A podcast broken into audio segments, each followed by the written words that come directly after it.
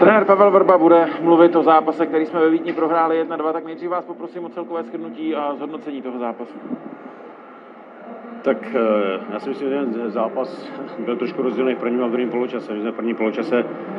hráli velice dobře, měli jsme další ještě dvě příležitosti, kdy, kdy jsme vlastně bohužel nedali branku, aby jsme to skóre navýšili. Soupeř v tom prvním poločase víceméně neměl, neměl žádnou nějakou golovou příležitost. Eh, V druhém poločase bohužel se to točilo. Eh, Rapid, Rapid dal gól, od té doby eh, i fanoušci, i fanoušci jim strašně pomohli a, a bohužel jsme udělali potom obrovskou chybu v rozehrávce a, a Rapid nás potrestal a dal druhý a ten výsledek je prostě 2-1. I v té první půli byla znát velká namotivovanost, možná trošku nervozita na naší straně, tak uh, projevilo se právě tohle v tom, že jsme pak vypadli z role, když jsme inkasovali tu první branku. Já bych ani neřekl, jako prostě eh, pak zase se to otočilo, pak v závěru jsme zase měli šance my, takže ono, já nechci říkat, že, že by se to otočilo nějak eh, kondičně, ale otočilo, se to, otočilo se to hlavou a psychikou, takže samozřejmě Rapid po té brance eh, byl, byl mnohem víc agresivnější a, a prostě dominoval v té, v té mezihře, ale zase po té vdržené brance se to rapidně otočilo a my jsme taky mohli dát ještě potom gól na 2-2, takže z mého pohledu spíš to je opravdu o psychice a samozřejmě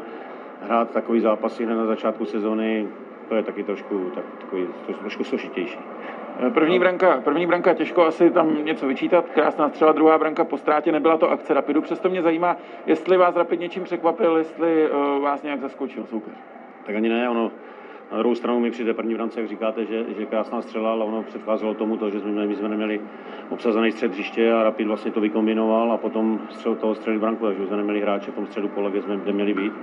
A u toho druhého golu bohužel jsme tu akci založili my, takže, takže aby jsme šli my dopředu, tak jsme dostali gol, což samozřejmě je v těch zápasech e, mnohem složitější než třeba v Česku, kde, kde třeba některé ty mužstva nejsou tak agresivní a, a nemají to postavení tak vysoko jako Rapid a, a Rapid nás za to potrestal. Včera jste na tiskovce mluvil o tom, že vás moc netrápí to, že se zrušilo pravidlo venkovních gólů. Zajímá mě, jestli tenhle názor je stejný, protože výsledek 1-2 by byl cenější v tom starém systému. Tak to asi ano, máte pravdu, že, že teďka, když, když, když by to bylo takovýmto způsobem, ale na druhou stranu já jsem řekl taky to, že je spravedlivý, kdo dá víc gólů, ať postoupí, takže, takže z mého pohledu eh, někdy, někdy eh, v té minulosti mužstva, který, který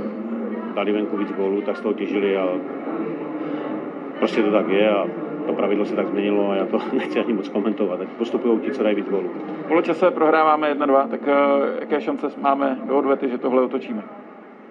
Tak já si myslím, že výsledek 2-1 samozřejmě není, není optimální, na druhou stranu není to úplně, úplně špatně, takže my víme, že, že prostě Rapid e, musíme porazit a, a musíme vyhrát rozdílem dvou gólů, což věřím tomu, že je v našich silách a doufám, že při podpoře fanoušků, že to dokáže.